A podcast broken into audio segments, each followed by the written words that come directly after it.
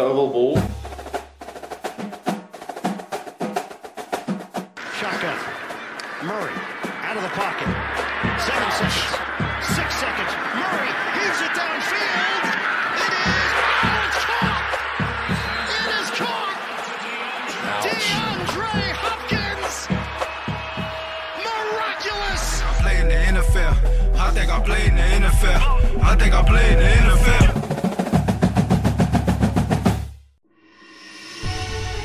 Hjertelig velkommen til Oval ball. Da var den sesongen over, men for en avslutning. Vi skal prøve å gi deg Oval balls oppsummering av Superbowl 57, selv med kun meg og det i studio, Stian. Det er vanlig, det. Det pleier å være det. Og ja, vi skal prate om flagget på slutten. Ja, man må aldri tippe mot Mahomes. Og ja, han knuste all statistikk som spådde tap for MVP i Superbowl. Og ikke minst, hva er dommen på pauseshowet? Tapte Eagles allerede når Seriane gråt en elv av tårer når Chris Stapleton sang nasjonalsangen? Og fikk Andy Reeds en osteburger til slutt?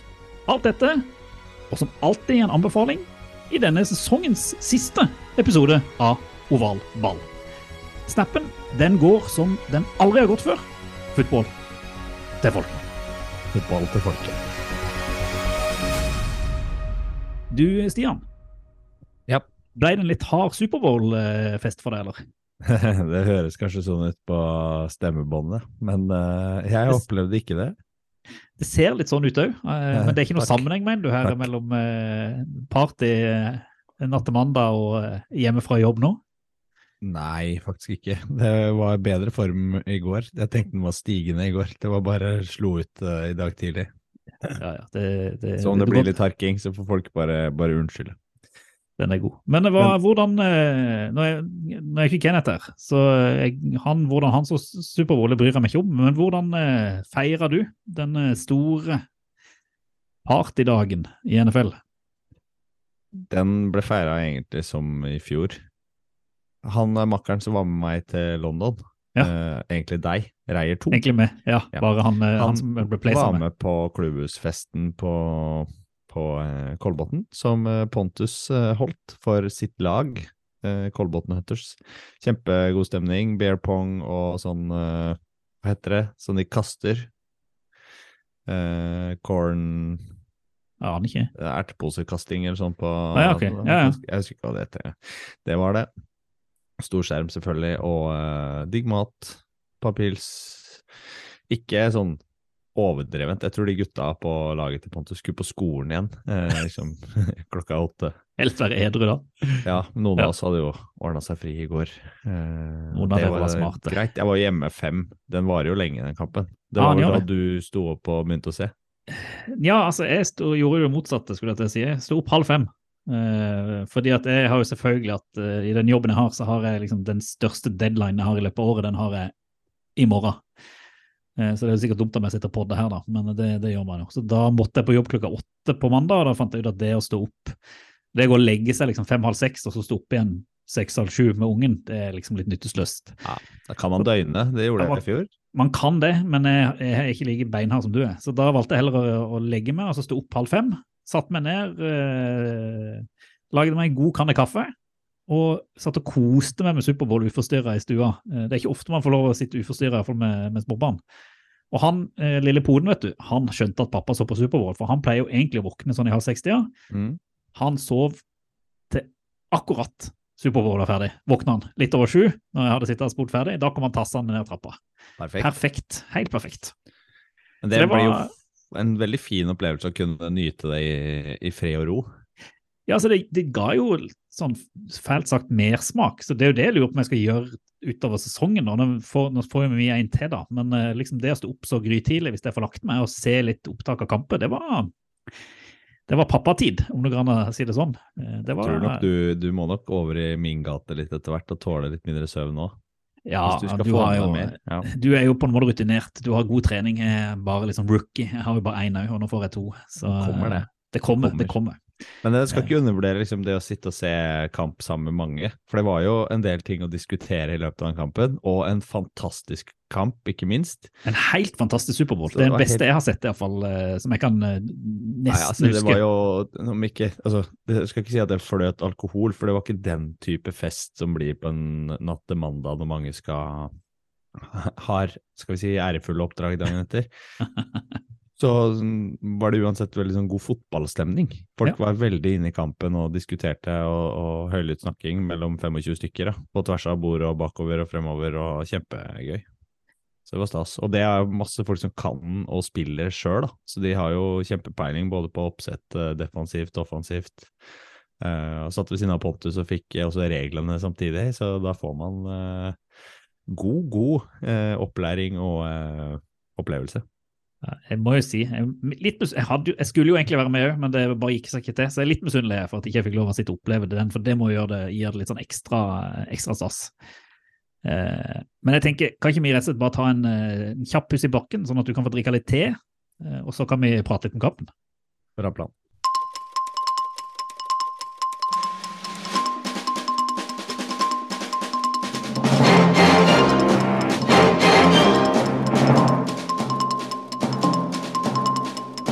Superbowl 57 hadde ganske høye forventninger knytta til seg, fordi at det var de to beste lagene i NFL som møttes one-seed fra hver side, både NFC og AFC. Eh, Philadelphia Eagles mot Kansas City Chiefs. Og jeg må si, Stian, vi fikk en kamp som vi håpa på.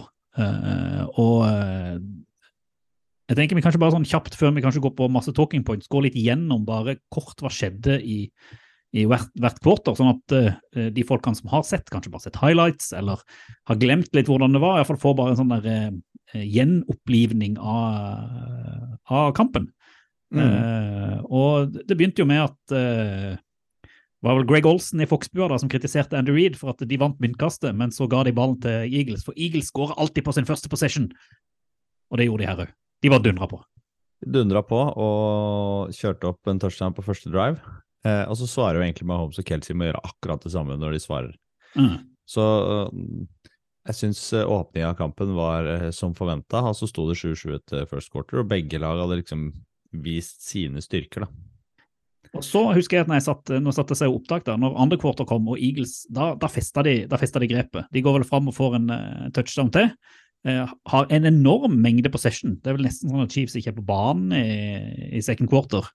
Eh, og når de er på banen, er- nå, nå husker jeg ikke om det var i første eller second, så er det jo bommer vel òg eh, eh, Butker på et field goal i tillegg, eh, som gjør det ekstra vanskelig for, eh, for Chiefs.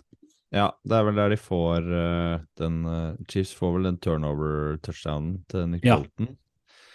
Eh, og så får de i tillegg, eh, eh, egentlig, den AJ Brown-touchdownen i fleisen, nesten til å begynne med.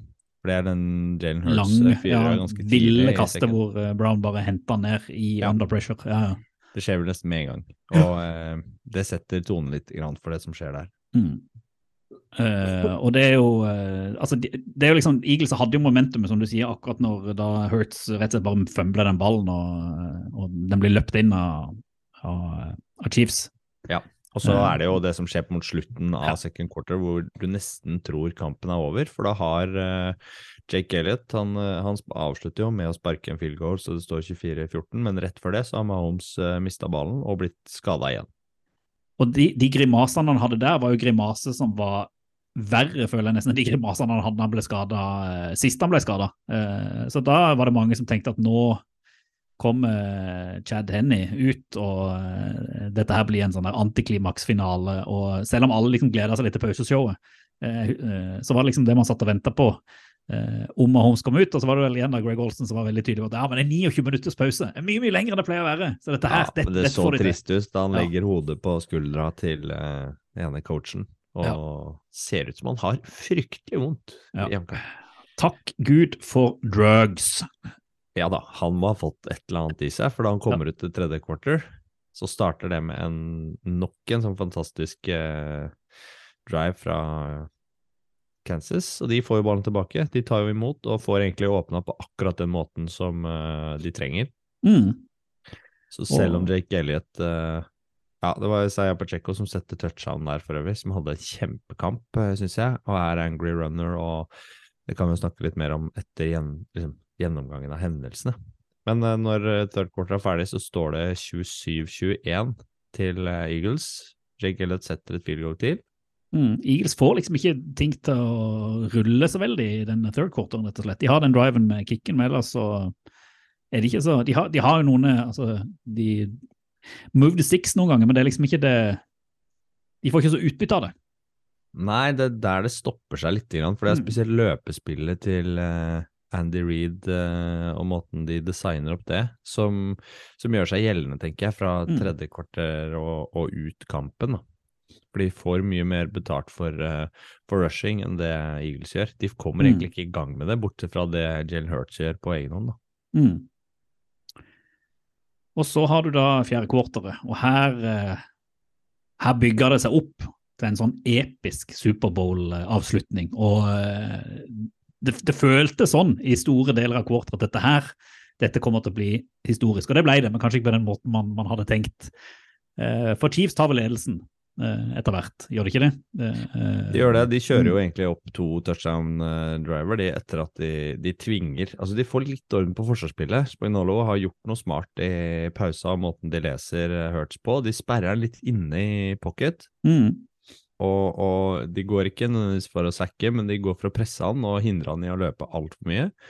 Og så tar de ut uh, Jeg syns McDuffie i alle fall, og, og Nick Bolton, som ligger litt bak uh, linja, de gjør kjempekamper. Ja.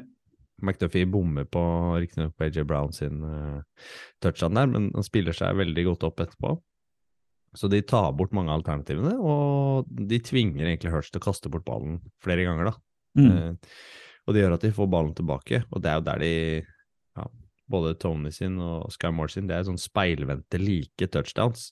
Ja, de er helt, du sendte vel en link der hvor du ser at de rett og slett er helt like bare på hver sin side av endzone. Eh, gjør de akkurat det samme play nesten. Ja, da jeg så den til Sky Moore eh, live, så spratt jeg egentlig opp av setet og, og bare Det var det, det samme de gjorde som de gjorde i stad, de lina opp helt likt.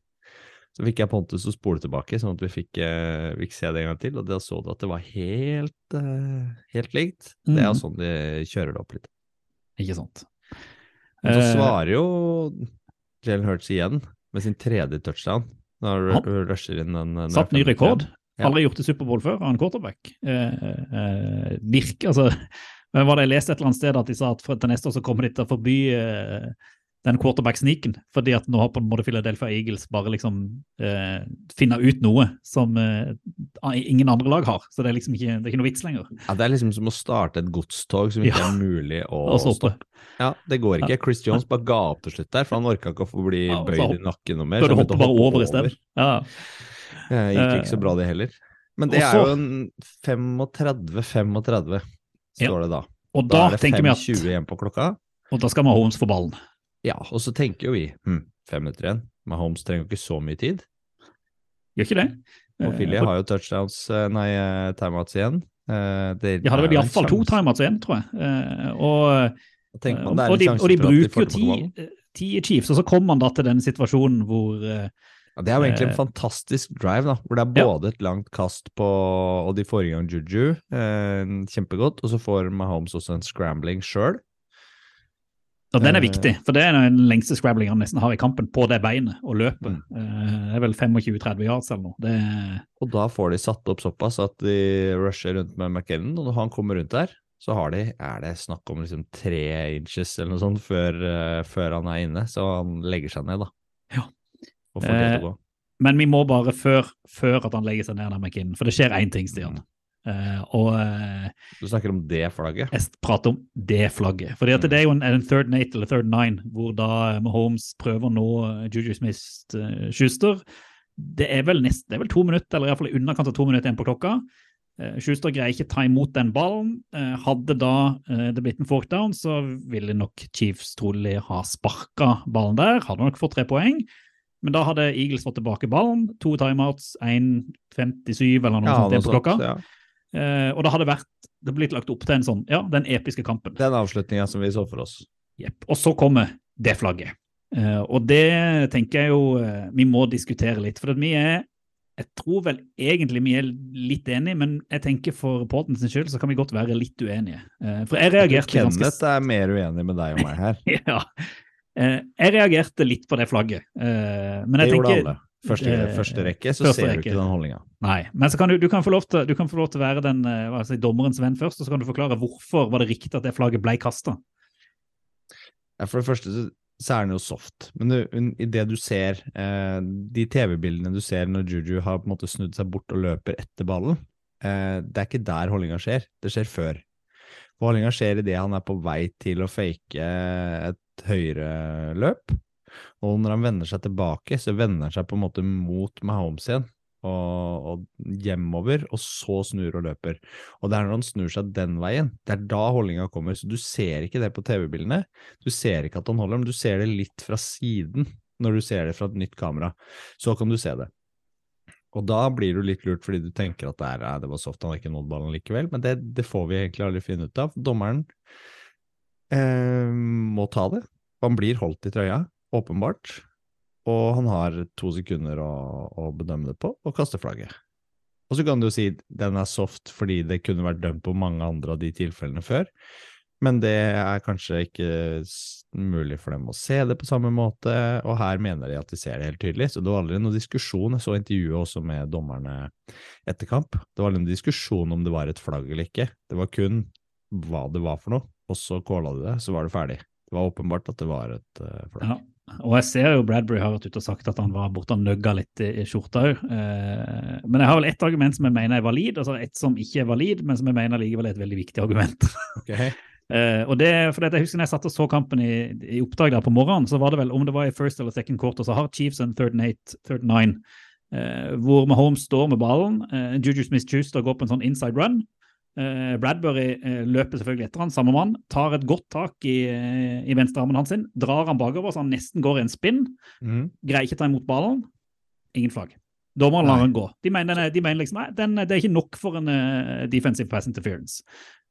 Og der mener jeg at du kan, du må være litt forsiktig i NFL når du setter grenser ulikt ut fra quarter. fordi at den som ble blåst nå på Schuster i fourth quarter, ja, han er soft, men den er enda mindre tydelig enn den som ikke ble blåst for eh, på Schuster i eh, first and second quarter. Og det mener jeg er så ekstremt kritikkverdig i en sånn kamp. Du må ha en linje som er konsekvent. For du kan godt si at de måtte ta den i fourth, men når ikke de tok den i Nå husker jeg ikke om det er first eller second. Eh, så for meg, da, da, begynner, da reagerer jeg litt. Eh, for den linja, den må være der. Det var det første. Ja, eh, kan jeg svare på det før du tar det neste? OK. Fordi jeg syns ikke det at én feil gjør rett på siste, hvis du skjønner. Du kan ikke tenke at nei, det var feil forrige gang, så da må vi gjøre feil en gang til. Da er det jo bra at de retter opp den feilen sin og kaster det flagget på den siste, sånn at ikke det gjør feil en gang til. For hadde de fått sett den andre, så hadde de nok kasta flagg på den også. Ja, men hadde de kasta flagg på den første, så hadde nok Bradbury òg vært litt mer forsiktig. Ikke sant? For da prøver jo han å legge seg på en linje som han tror er der. Og det er det jeg reagerer på. Bradbury vet at det blir calla, og det er greit. Han er såpass rutinert, så han vet hvor den grensa går, egentlig. Så det argumentet syns jeg ikke holder. Nei, det syns jeg det gjør. Og så er det argumentet som ikke er et argument, men som allikevel jeg mener er et superargument. Fordi at NFL er en kommersiell sport. Det er en TV-sport. Det er en sport som bygger opp under det dramatiske, som bygger opp under at publikum skal sitte der. Og da er nesten på det nivået at du skal være så jævlig forsiktig i en Superbowl når det legges opp til den rammen der, og ta en så soft call. Ja, du skal ta de helt, helt åpenbare tydelige store, men du skal, ikke, du skal da være ja, hva kan man si, litt sånn som eh, hva kan man si, hengende flagg i fotball. Altså Du skal rett og slett la den gå, eh, hvis han ikke er fullstendig tydelig. Og jeg vet at det er ikke det reglene sier, men for produktet sin del så mener jeg det hadde vært riktig. Nei, jeg er helt uenig. Jeg tenker du må dømme på det som er riktig, og de er jo veldig opptatt av at ting skal være rett, da, med all videodømming av det de holder på med. Nå var det en situasjon med mottaket til Davante Smith eh, i løpet av kampen også, som ligna veldig på det samme som skjedde i, eh, i championship game mot 49ers, hvor de, Ja. hvor de gikk så fort at de ikke rakk å se på det på nytt igjen. Det gjorde de her. Gikk inn og så på det og endra callen og gikk tilbake på, på det første. Så jeg syns de gjør forsøk på å dømme kampen så riktig som mulig. Om de misser én eller to ting som ikke er nødvendigvis kampavgjørende, så er i hvert fall den siste, det de kaster flagget, er kanskje kampavgjørende. Men det betyr ikke at de skal la være å kaste det fordi det er kampavgjørende. Da betyr det at du kan gjøre ganske drøye ting da, før de kaster flagget, bare fordi det skal være underholdende for publikum å se på. Og det blir feil. Da blir det jo enda mer kontroverser. Nei, dette blir gøy å se på. Men ser altså, det som eneste gjør at jeg liksom trøster meg litt, grann, da, det var at uh, i eh, championship game så var det jo Eagles som i enda større grad enn i denne kampen hadde dommerne med seg på sin side og fikk en del avgjørelser som de absolutt ikke burde hatt, og som nok hadde med å bidra til at 49ers da ble slått ut, selv om de eh, fikk en del skader og sånt. Så sånn sett så er det vel noe som heter karma, som gjør at eh, det går litt opp i opp. Ja, som, Man sier jo det at dommeravgjørelser i løpet av en sesong så jevner det seg ut. Eh, hvis man snakker om de små marginene, da.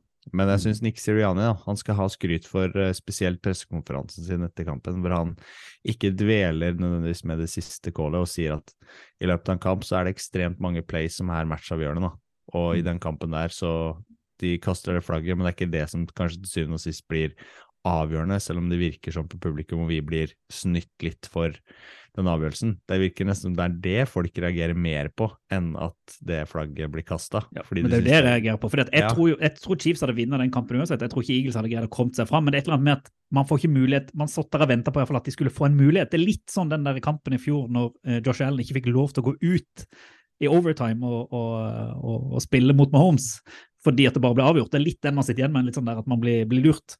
Uh, men jeg, jeg tror du har eller jeg vet du har, du har jo helt rett, fordi at uh, Eagles hadde sine sjanser og sine muligheter til å ta uh, denne kampen, og kanskje vi da kan gå videre. men Chiefs har da Patrick Mahomes.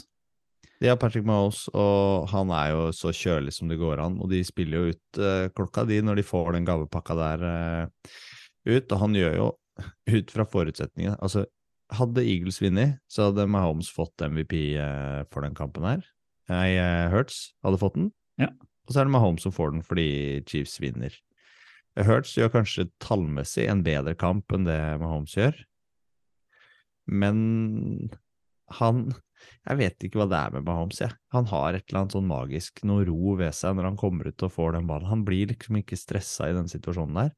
Og til Mahomes sine prestasjoner, så må vi også hylle den offensive linja til eh, Chiefs i løpet av den kampen der. For de møter det laget som har desidert flest sacks i løpet av hele sesongen. Mahomes blir ikke tatt én gang. Og det er liksom Det, det er vel en av kritikkene mot det Eagles-lag, at de har uten tvil det beste forsvaret. De har òg det forsvaret som har aller, aller best til å bare putte pressure on, selv om ikke det er blitz eh, og sacka så mange quarterbacker, og du har en Mahomes da som ikke er 100 Eh, men som han likevel greier å scramble så mye som han gjør, og du har en linje der som beskytter han så godt. og eh, de har jo ikke én sekk i hele kampen, så vidt, eh, så vidt jeg husker. Altså, de, de, er ikke, de er ikke nær. som blir tatt på Hurts, uh, tror jeg. Det er den mm. eneste mm. sekken som blir registrert. Så de spiller jo bra begge linjene. Men Mahomes har en litt annen spillestil. Mm. Og, uh, og det var kanskje det som mm. Han sier jo sjøl òg at han må være den verste quarterbacken på en måte å beskytte, fordi han holder så lenge i ballen i tillegg. Mm. Så de bruker mye tid på trening for at skal vi si, linjespillerne til Mahomes lærer seg hans mønster og måte å lese kamper på. da. Han snakker mye med dem på, på trening for å få dem til å forstå hvordan han tenker. For han er den av spillerne tror jeg er NFL som holder ballen desidert lengst, da, og venter ut og ser på liksom siste muligheter. Og det snakka jo Siriani også om før kampen, at det var en av deres nøkler til å kanskje vinne. Og skal vi si tvinge Mahomes til å kaste ganske tidlig, fordi de ikke kommer til å holde unna, sånn som Travis Kelsey, Juju Smith-Schuster og Kederis Tony og de andre gutta i backfielden lenge nok, da, når Mahomes får stå og tenke og, og kaste fritt. Og eh, altså, Det var jo mange kamper i kampen. En av de var akkurat det som jeg nevnte. Det at uh, det ble jo sagt at uh, den altså, defensive linja til, til, Eagles med Reddick og gjengen måtte måtte greie å angripe Mahomes. De måtte greie å stresse han, de måtte greie å få lagt press på han. Eh, noe de egentlig ikke greide. Eh, og så kan man jo si da at det, det, det defensiven til Chiefs, Chiefs ikke, kommer jo ikke til Hurts eh, veldig, men som du sa, de greide å isolere han i mye større grad. Og jeg har bare lyst til å dra tilbake litt til vi nevnte her for, uh, før Superbowl, at uh, Eagles hadde, har vel, har vel et, av de aller, aller beste passing-forsvarerne i ligaen. Mm. Chiefs er et av de aller, aller beste running-forsvarerne i ligaen. Og Det var veldig interessant å se starten av kampen, hvor du så at Hurts i mye større grad enn det han pleier å gjøre, kasta ballen. Uh, og Chiefs i mye større grad enn jeg har sett de før, hadde et running game, og da spesielt Pacheco, som bare dundrer inn som han aldri har sett uh, en vegg før, uh, rett og slett. Og så ja, og, og, og, jeg vil nesten si at jeg syns nesten Eagles imponerte mest i begynnelsen med at de rett og slett spilte et spill som Chiefs ikke helt greide å ta. For de bare, de hadde jo ikke noe running game. De bare passa nesten hele veien. Mm. og det eneste running game de hadde, var jo Jalen Hurts. Uh, men så greier jo da uh, Chiefs å isolere Hurts og greier å legge press på han, sånn at de pasningene som han greide i, i første omgang, får han ikke til andre omgang. Uh, de greier å dekke rutene hans sine. Og dermed så prøver de på running game, får det ikke til. Altså, det running backene til Eh, til Eagles syns jeg liksom bare nesten helt borte, utenom kanskje Boston Scott av og til, som hadde et par, par OK løp. Mens ja, Chiefs da, hadde vel noe. Ja, bitte grann. Mens Chiefs får til et running game i mye større grad enn de har fått tidligere. Og så har du da Kelsey og et par andre receivere med Schuster og sånn som Mahomes kan treffe av og til, og så greier han til og med å løpe litt sjøl. Uh, eh, så jeg syns kanskje Chiefs er de som lykkes mest Eh, med det de skulle lykkes med, defensivt i alle fall. Eh, og så greier de å spille det kan si, smarte spillet mot det defensive spillet til eh, Eagles. Og jeg vet jo du er glad i mannen. Det er vel mye takka være en viss cheeseburger-glad Andy Reed, som skulle ut og spise burger etter han hadde vunnet Superbowl. Ja, det er fullt fortjent òg. Nå går det rykter om at han kanskje skal legge opp etter sesongen her nå med Superbowl-ringen. Det vet vi ikke.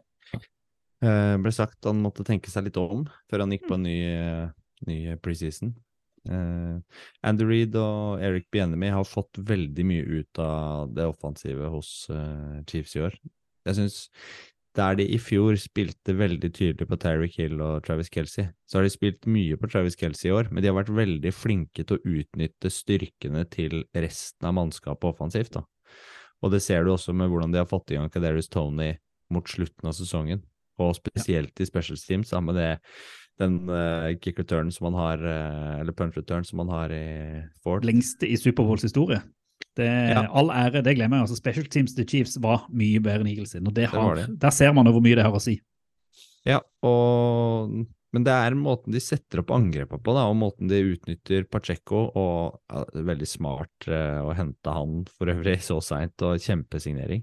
Ah. Eh, og måten han løper på, litt sånn sint, som vi har snakka om før òg. En helt annen måte å angripe det spillet på. Du ser, det er vel idet de kommer ut etter pause, så har han et løp hvor han liksom Det lyser av øya på han, og han blir løpt og takla ut av banen på første play. Men da er det ikke sånn at han går og jogger rolig inn, men da løper han, henter ballen og spurter tilbake på plass bare for å være klar for å sette i gang på nytt igjen. ikke sant? Det her skal de vinne, da.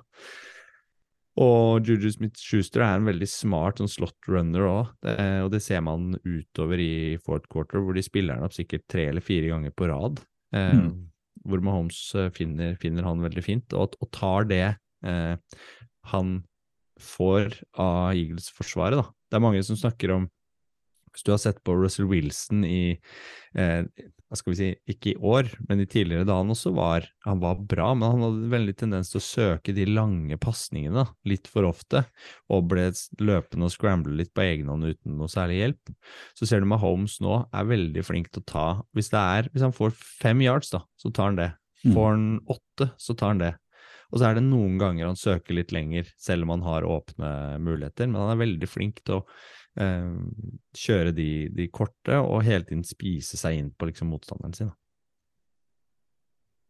Jeg er helt uh, jeg sitter igjen og bare tenker jeg skulle ønske jeg kunne oppleve dette en gang til. For jeg er fall sånn i bunn og grunn sitter jeg igjen med en uh, følelse at endelig For jeg, de siste Superbowlene, spesielt den i fjor, de har vært litt skuffende. Det har ikke vært, eh, det, ja, det har vært gode defensive kamper, men her føler jeg vi fikk levert to ekstremt gode offensive lag. Ja. Eh, et eh, defensivt fra Chiefs som leverte kanskje mer enn man forventa, og så kanskje den eneste lille skuffelsen må man kanskje si var forsvaret til, til Eagles, som man nok hadde trodd man skulle få mer ut av. og vi har jo fått en Jeg har, jeg har skryta veldig av Superbowl, men vi fikk en henvendelse fra Sander Bilstad på, på Twitter. Uh, hvor han er liksom inne på det samme. og jeg tenker, jeg kan jo stille det spørsmålet, Stian, så kan jo du svare hva du tenker. Eh, om vi tenker at forsvarsspillet til begge lag er påvirka av et enormt bra angrepsspill, eller om det er mer eh, i ruta, altså taktiske feilgrep, dårlig prestasjon eller feighet. Eh, og Det er liksom av dette da han mener at eh, det fører til at dette her ikke er en perfekt Superbowl i, eh, i Sander sine øyne. øyne og det er jo all, altså, En perfekt Superbowl tror jeg aldri du får, men for meg er det iallfall en av de som står frem som de aller, aller beste jeg har sett på, på en god stund.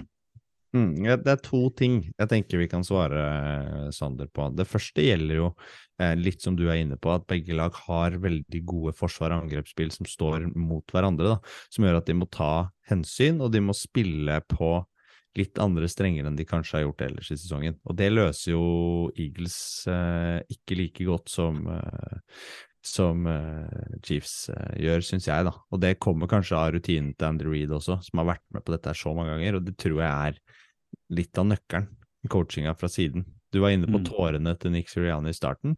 Mm, kanskje det ble for stort for han. Kanskje det du ser liksom i starten, selv om tårene kommer og han blir full av følelser, så ser du liksom antydninger til noe han gjør på sidelinja der underveis også, som han står og liksom gestikulerer et eller annet med Holmes nesten, eller han, da de Han har allerede kommet dit han har drømt om hele livet, og det kjenner han på den nasjonalkampen, og det er før kampen. Og det er litt, litt småcocky, syns jeg, underveis, da, selv om han henter seg veldig fint inn på pressekonferansen etterpå, så, Mm. så syns jeg han blir liksom outcoached eh, til en viss grad av Andy Reed der, da.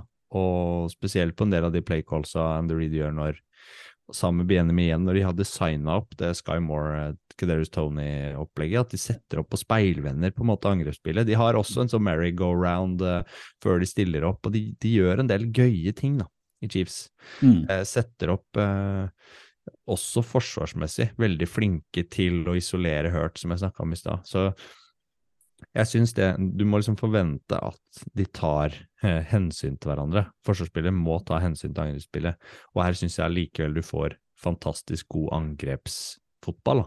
mm. Mens det andre poenget, som jeg syns er eh, verdt å ta med seg, er jo du ser kanskje tendenser til feighet, da, og du kan alltid diskutere om er frykten for å tape større enn liksom, gleden ved å vinne, da, eller ønsket om å vinne. Og til dels kan du se det her for den fourth and three, hvor eh, Andy Reed og Chiefs velger å sparke hvor Butker bommer, eksempel. Der ville Philadelphia Eagles garantert gått for det, for de er Mm. hissige på grøten hele tiden. Og de lyktes jo med det i kampen flere ganger, rett og slett bare gamble på det og fikk poeng ut av det. Ja, og så kan det også, det er det en situasjon til når Jeg husker ikke om det var etter uh, Tony sin touchdown eller Sky Moore sin, men Mm. Der kommer en host. diskutere, ja, hvor de kan diskutere om de skal gå for to poeng eller et ekstrapoeng, da. Mm. Ja, det er sant, det. Så, eh, men jeg tenker i, i stor grad så sitter iallfall jeg igjen med at eh, det var to gode forsvar som møtte opp, men rett og slett at du fikk sett angrepsspill i høyeste, høyeste klasse. Og for meg, i alle fall som en fotballfan, så vil jeg heller ha en 38-35, eller hva, nå husker jeg ikke hva det var der vi mente, enn en 9-9 eller en 13-9, fordi at du har to steingode angrep. Det gjør iallfall en kamp som Superbowl. Eh, så gir det rett og slett en sånn fotballglede å kunne se en del av de playsene som, som går.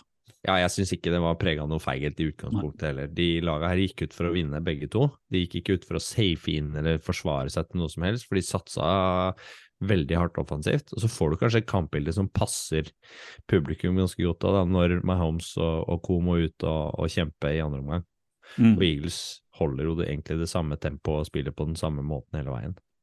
Og så er det jo gøy når du, jeg vet ikke, når du får eh, de to klart beste laga gjennom sesongen i en Superbowl, og avgjørelsen er eh, Skal vi si sesongfinalen er såpass eh, som han er her, da. Ja, ja. Og to av de aller beste quarterbackene. For jeg, du kan si mye om Jalen Hurts, at han ikke vant, og, men den underdog-storyen han har hatt, og det han leverer i Superbowl, eh, for min del var nesten mer enn jeg kunne forvente. Jeg synes han der han steppa opp og rett og slett var eh, en lagleder, og han gjør en feil der eh, eh, og mister ballen, men så går han rett inn og på en måte bare tar en design quarterback run rett etterpå, bare for å vise at ja, ja, eh, dette, her, dette her tar jeg. Og leverte vill statistikk, satt rekord med tre rushing eh, touchdown. Eh, men så møter han da dessverre Patrick Mahomes, som eh, før kampen så sa vi vel at all statistikk taler mot Mahomes, at MVP har vi ikke vunnet på ni kamper. og eh, altså alt, alt talte mot at Mahomes skulle vinne. Han bare knuste alle de rekordene og bare gikk inn og tok den, eh, to den kampen. Så du har sagt tror jeg hele år, det skal du ha. Eh, meg og Kenneth har vært litt eh, snurte på det. Skal aldri tippe mot Chiefs, aldri tippe mot Mahomes, og du har vel på noe fått beviset ditt, da. Jeg syns jo egentlig det. Jeg var ganske tydelig på det foran den kampen her, at han kanskje kom til å ta det på, på rutine. Mm. Men han, jeg vet ikke, jeg syns liksom han blir bedre og bedre, da.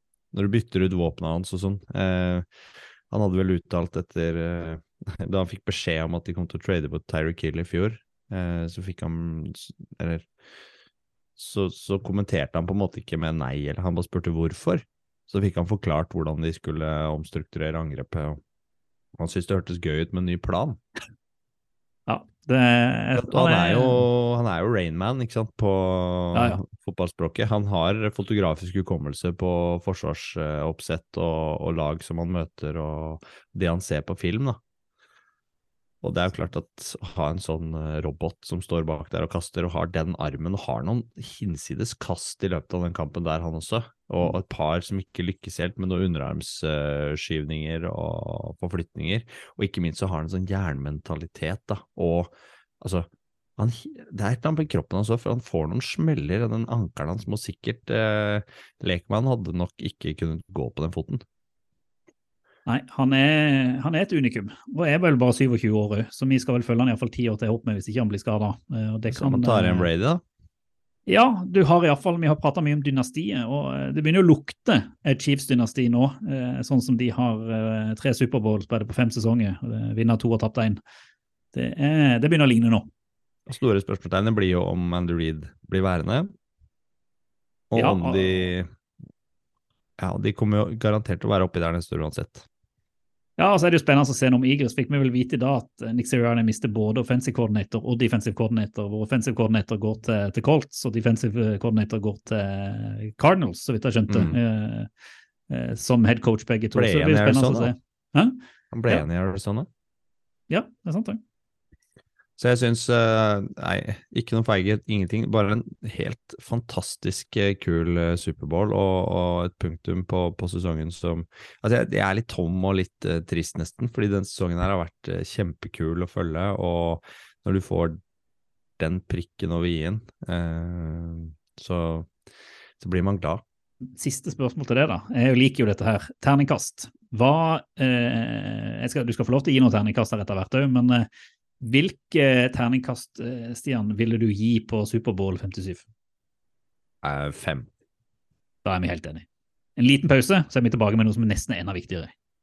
The National Football League welcomes you to the Apple Music Super Bowl 57 halftime show.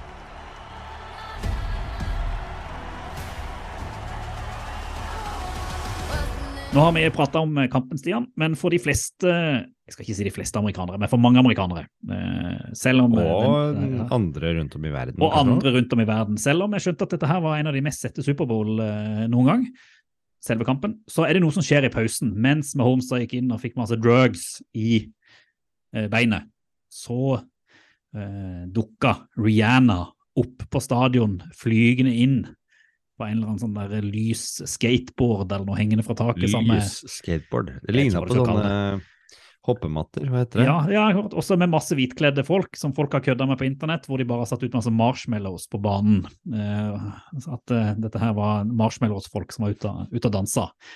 Eh, og ofte så føler jeg når man ser pauseshow, så når man går inn på sosiale medier, og sånn, så er ofte veldig folk ganske eh, om at dette her var bra, dette her var OK, dette var dårlig. I Rihanna har jeg sett alt. Så da tenker jeg, før eh, MGP, eh, Eurovision-eksperten her, skal uttale seg, så lurer jeg på, Stian, hva sitter du med igjen etter dette pauseshowet? Jeg vet at du kommer til å elske dette her, for du, du syns sånt er gøy. Jeg må innrømme at det var spennende å se hva Rihanna kom til å stille med. Hun har vært borte fra rampelyset en stund, født et barn, og benytta anledningen til å ha sin, sitt nye barn som egentlig spesial, eh, sin spesielle gjest. da. Det var tydelig at det var en liten promotering av det også. Hylle graviditeten. Og så er hun jo en flott dame og veldig utfordrende, kan vi si det sånn. Og kjører jo samtidig opp et eh, ja, Hvor mange låter var det du kjørte? Tolv stykker på 13 minutter eller noe sånt. Eh, helt prima levert, syns jeg. Eh, at jeg har jeg syns bare det er fascinerende med de showa, at de gjør det så lenge. Og jeg er nesten mer imponert over de som rigger scene og, og får til liksom alt rundt det. Ikke bare liksom selve performancen. For den, var, den var solid og grei, den. Men eh, jeg er ikke sånn super Rihanna-fan. Jeg har hørt et par av låtene, i hvert fall. Nei, det, var, altså, det, var en, det var en hitparade uten, uh, uten like, og det syns jeg er kult. at de, Hun liksom bare kaster inn alle låtene hun har der på, på 1, 2, 3. Og så er jo liksom noe av kritikken var at det var, det var, litt statisk. Hun gjorde ikke så mye ut av det. Hun hadde ikke så mye gjester. I fjor var det jo gjester i alle bauger og kanter med var det 50 Cent som hang fra taket i Grey baris Show, ned ja. og, uh, og sånn. Men, og det, tror jeg, det er sikkert fordi jeg er litt skada at jeg har, jeg har en gravid dame her hjemme òg, men det er et eller annet med eh, Verden har heldigvis kommet Danser hun sånn for deg? Nei, men verden har kommet ganske langt når du for 10 år siden, eller 20 år siden, hvor eh, sant, disse to, eh, Britney Spears og Christina Aguilera og sånn, eh, når du ser på de intervjuene og hvordan de ble behandla, hvordan de ble sett på som media, bare sånn der eh, ung pike-sex-symbolet som man bare kunne, som ikke hadde noe i hodet og bare var, var idioter, at du har da en av de mest liksom kjente popdamene i, i verden, òg kjent som liksom et av de største sexsymbolene som har gått på denne jord de siste ti årene, møte opp i en drakt hvor hun da fremmer graviditet og gir litt blanke liksom der, eh, type kroppsideale, og, og gjør det showet som gravid. Mm. Og Derfor er det for meg en, liksom en soleklar terningkast seks bare med den bakgrunnen. Selv om showet kunne nok vært litt mer eh, eh, bevegelig. så Det var mye bevegelighet rundt henne. Eh, Men jeg har jo full forståelse for at det er ikke så lett, og det har jeg jo skjønt her hjemme at eh, den magen der, den, den gjør at man begrenser seg litt.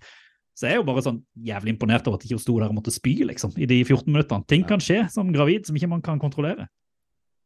Ja, det var, det var solid levert. Jeg har jo selvfølgelig hørt eh, flere av de låtene enn to. Eh, Ja, nå, var du, var, nå var du gamle mann her.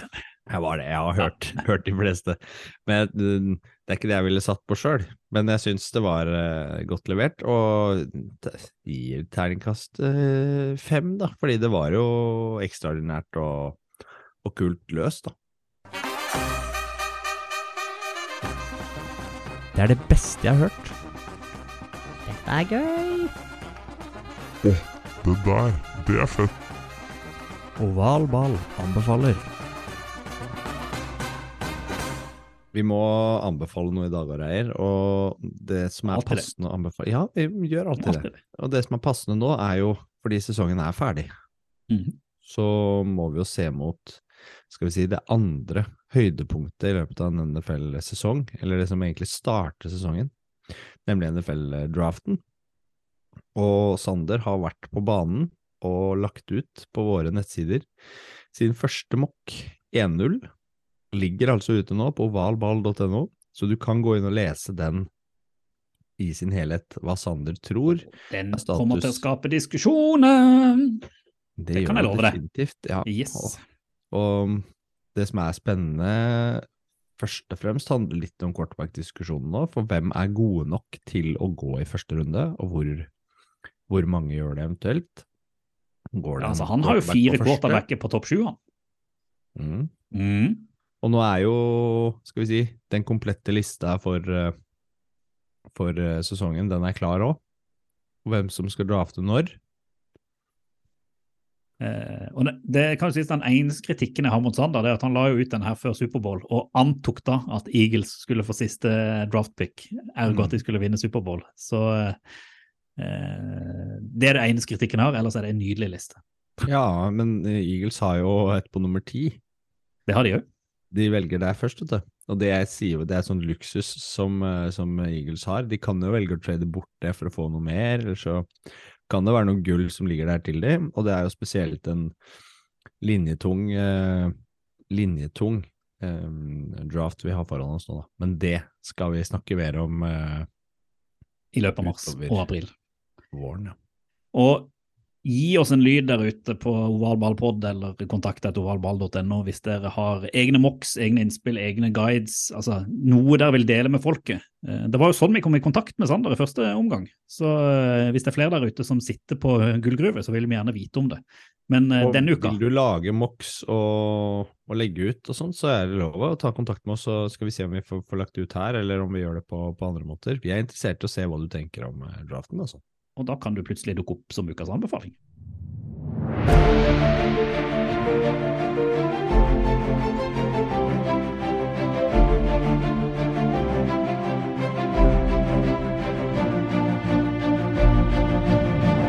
Vi må dypdykke oss lite grann i eh, denne sesongens siste episode, Stian. Eh, Og det tror jeg kan jo litt ned i en viss kamp, da. ja, vi dypdykker litt ned i en kamp. Nå må vi dypdykke ned i hvor dårlig vi er til å tippe.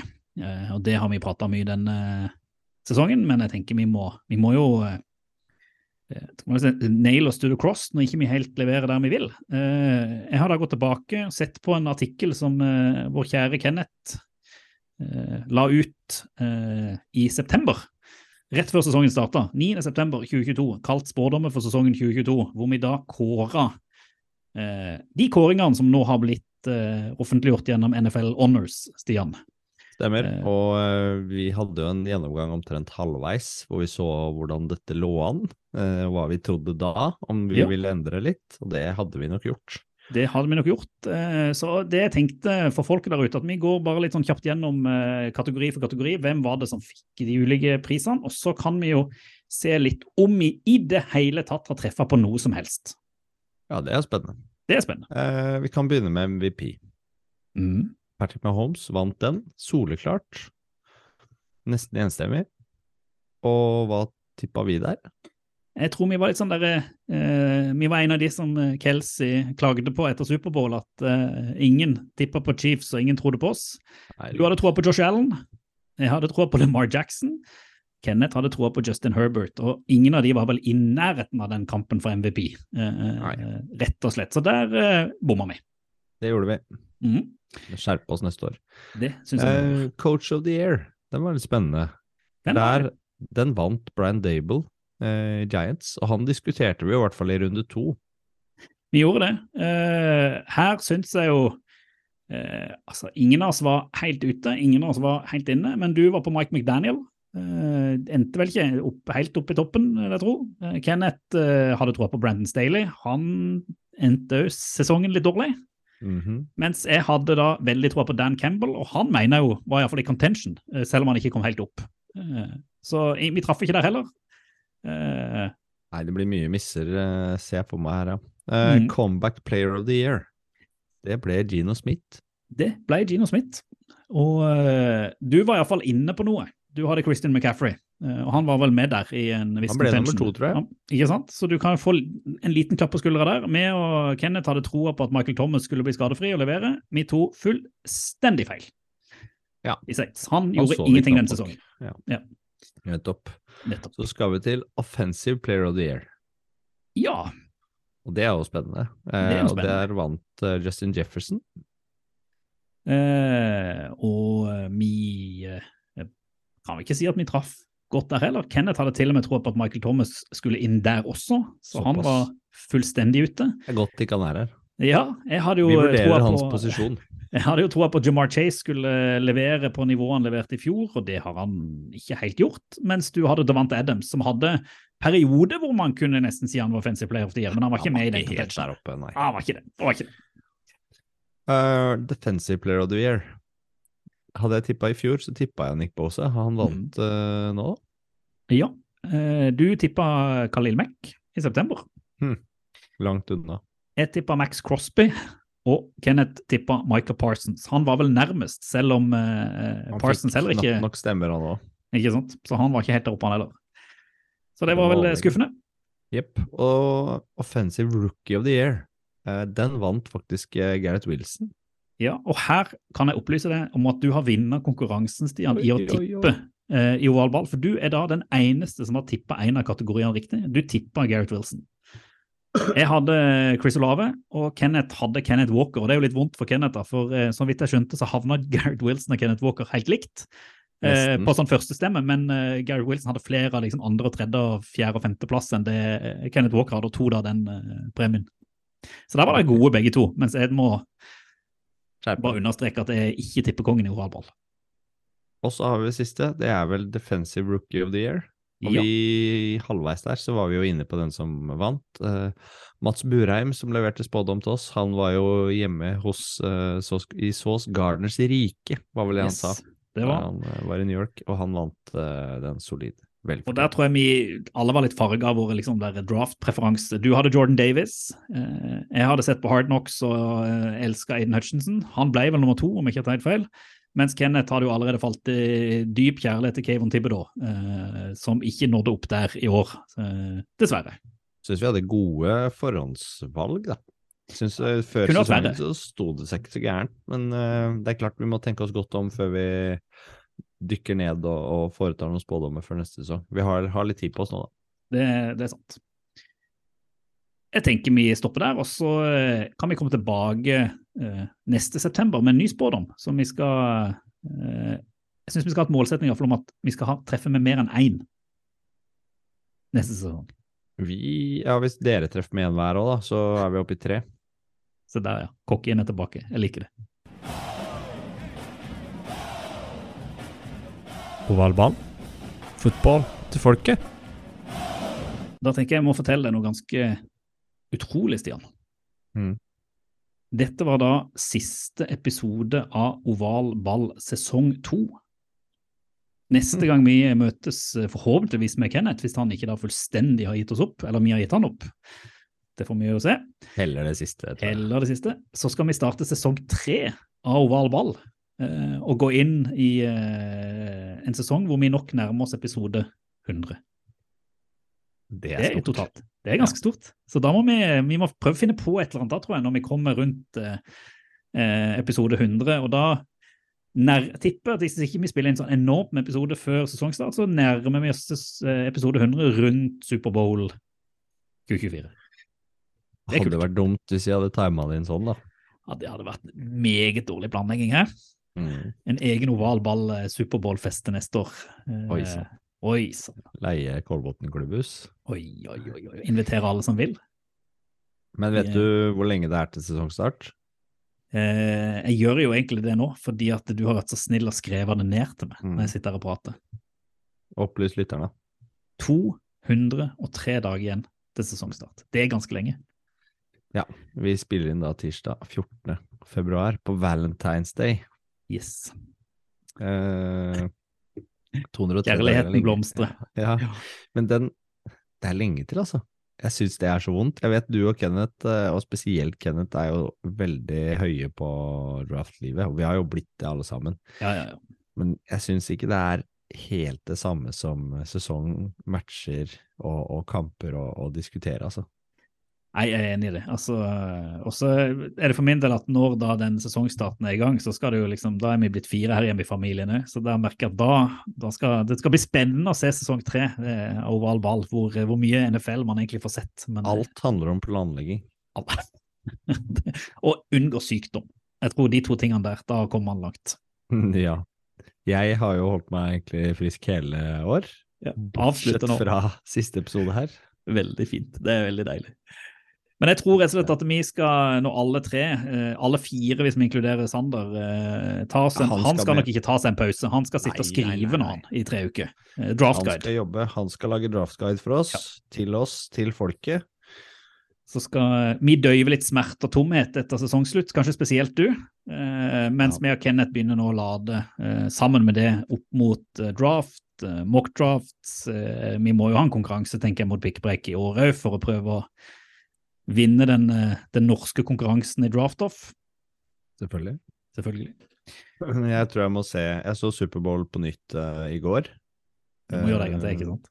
Det kommer jeg nok til å gjøre, for den kampen var uh, fantastisk. Og det er alltid noen smådetaljer som, som dukker opp når man ser det en gang til. Da har du, eh, la oss si, tre uker da, på å se den om og om igjen. Eh, og så håper vi at eh, hvis alt går som er planlagt, så er vi tilbake la oss si da, uke ni eller ti. Eh, ny sesong, sesong tre oval ball, hvor vi da ser fram mot eh, draft. Skal få prate litt om nyheter. Vi skal nok prøve å få med litt gjester nå òg, tenker jeg, før, eh, før sommeren. Det hadde vært stas. Mm, og litt status på lag er nok lurt Ja, ja, nå. å Se hvor de står når sesongen er ferdig og går inn i pause og Masse nye trenere. preseason-tanker, Ja.